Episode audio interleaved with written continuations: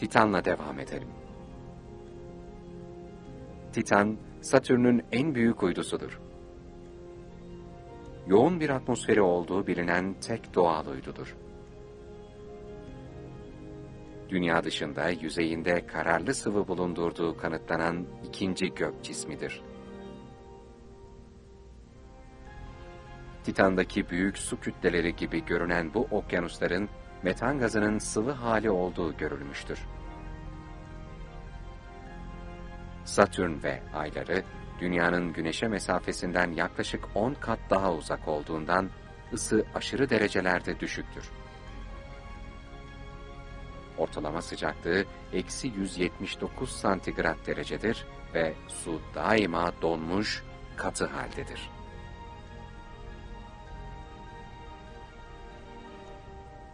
Dünyadaki kayalara benzer biçimde davranır. Dünya için alışıldık sıcaklıklarda bir gaz formunda bulunan metan gibi hidrokarbonlar, burada gölleri dolduran bir sıvı formunda yoğunlaşır. Diğer karmaşık organik moleküllerse Titan'ın atmosferinde oluşur ve kar gibi yüzeye yağar.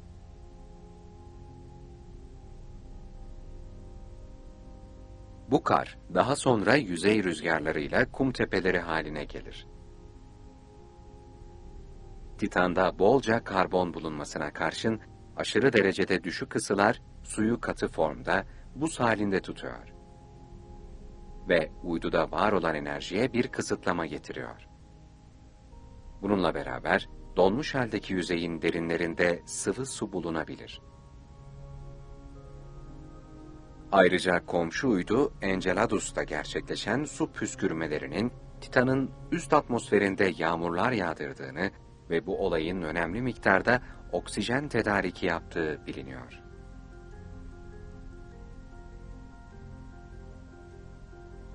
Peki Titan'da keşif yapmak için uzay aracı indirebilir miyiz? Uçan bir aracın yükselebilmesi için havaya ya da daha genel bağlamda bir atmosfere ihtiyacı vardır.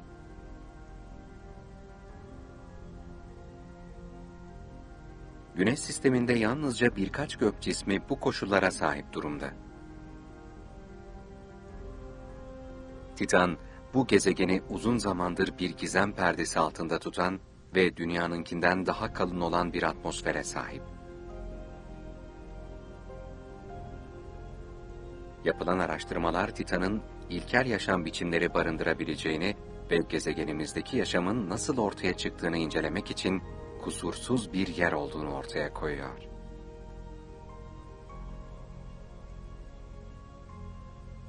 Dünyada ekstremofiller olarak bilinen ve aşırı koşullarda hayatını devam ettiren çok sayıda mikroorganizma türü mevcuttur.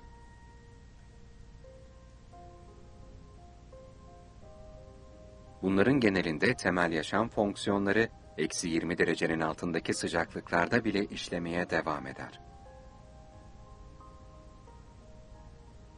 Bu nedenle yaşamın Titan'da ortaya çıkması için dünyadan aşina olduğumuz uygun koşulların sınırını epey genişletmemiz gerekir.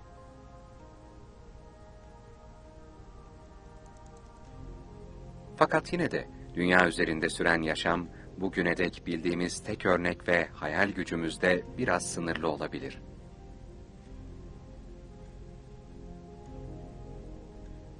Satürn'ün uydusu olan Titan, Güneş sistemindeki ikinci en büyük uydudur. Titan'da Ganymede gibi Merkür'den biraz daha büyüktür.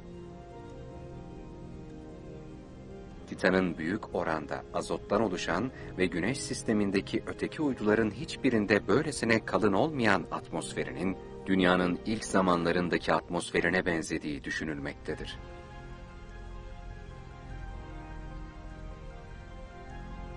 Son gönderilen NASA'nın uzay aracında Titan'da canlıların olabileceği olasılığını artıran izler görülmüştür. Titan'daki su kütlelerinde ise deniz canlılarının bulunma ihtimali araştırılmaktadır.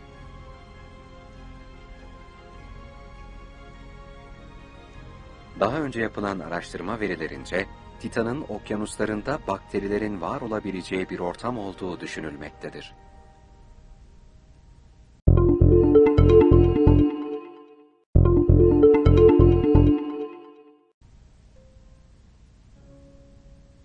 Evet, Satürn ve uydusu olan Titan bizleri şaşırtmaya devam ediyor.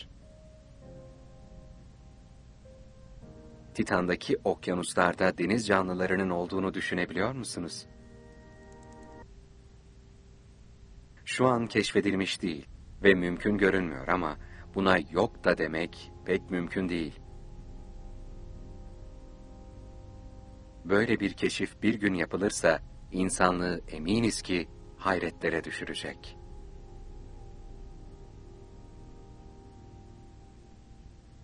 Bu uyduda insanlığın yaşaması mümkün bile değil.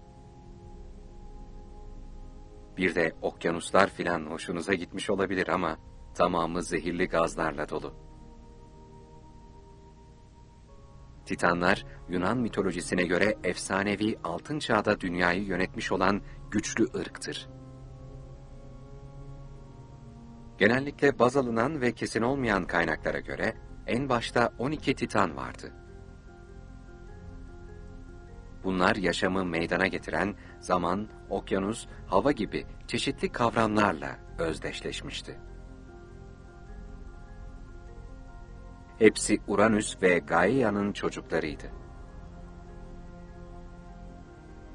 Kranos'un Uranüs'ü tahttan atmasıyla yönetimi ele geçirmişlerdi. Ancak daha sonra Kronos da aynı şekilde kendi çocuğu olan Zeus'un önderliğindeki tanrılar tarafından tahttan indirilmiştir. Böylece Titanların altın çağı sona ermiştir.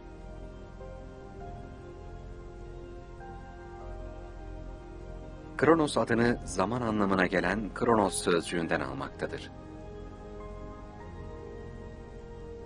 Gaia'nın doğurduğu son Titan olmakla birlikte zamanlarda seyahat ettiği söylenir.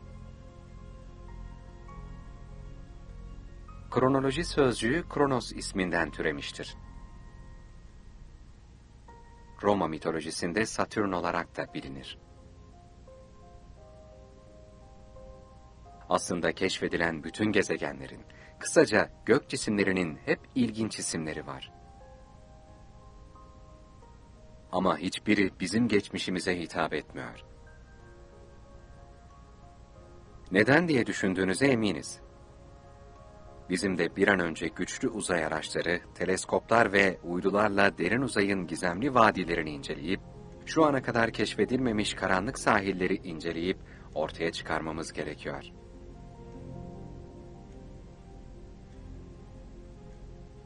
Belki o zaman isim bazlı da olarak bize sıcak gelen gezegenler olabilir. Ve uzaya olan ilgimiz daha da artmaya başlar.